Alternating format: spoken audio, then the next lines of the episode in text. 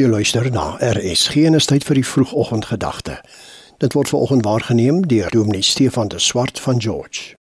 Efesiërs 1:3 Die Vader van ons Here Jesus Christus om hom te ken.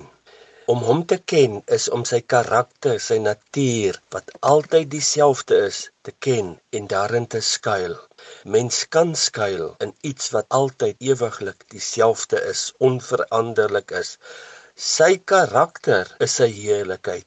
Sy karakter is so totaal nie menslik, so goddelik dat ons dit moeilik vind om dit te glo. Hy is soewerein, ook almagtig, tog laat hy sy soewereiniteit inkort deur sy liefde.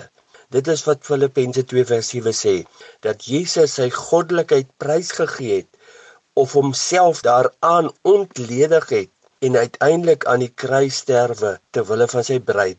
Snaaks genoeg is dit ook 'n beeld van Samson, die sterk man wat hom laat bind het ter wille van sy geliefde en uiteindelik as gevolg daarvan sterwe.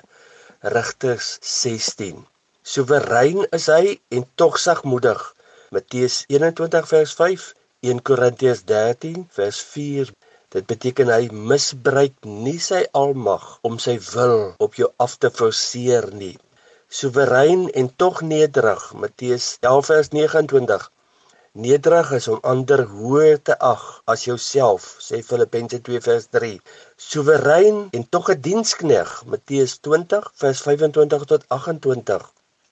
Die Nuwe Testamentiese standaard is dat hy jou deur sy goedheid tot ander insigte wil bring of tot bekering wil bring. Romeine 2 vers 4.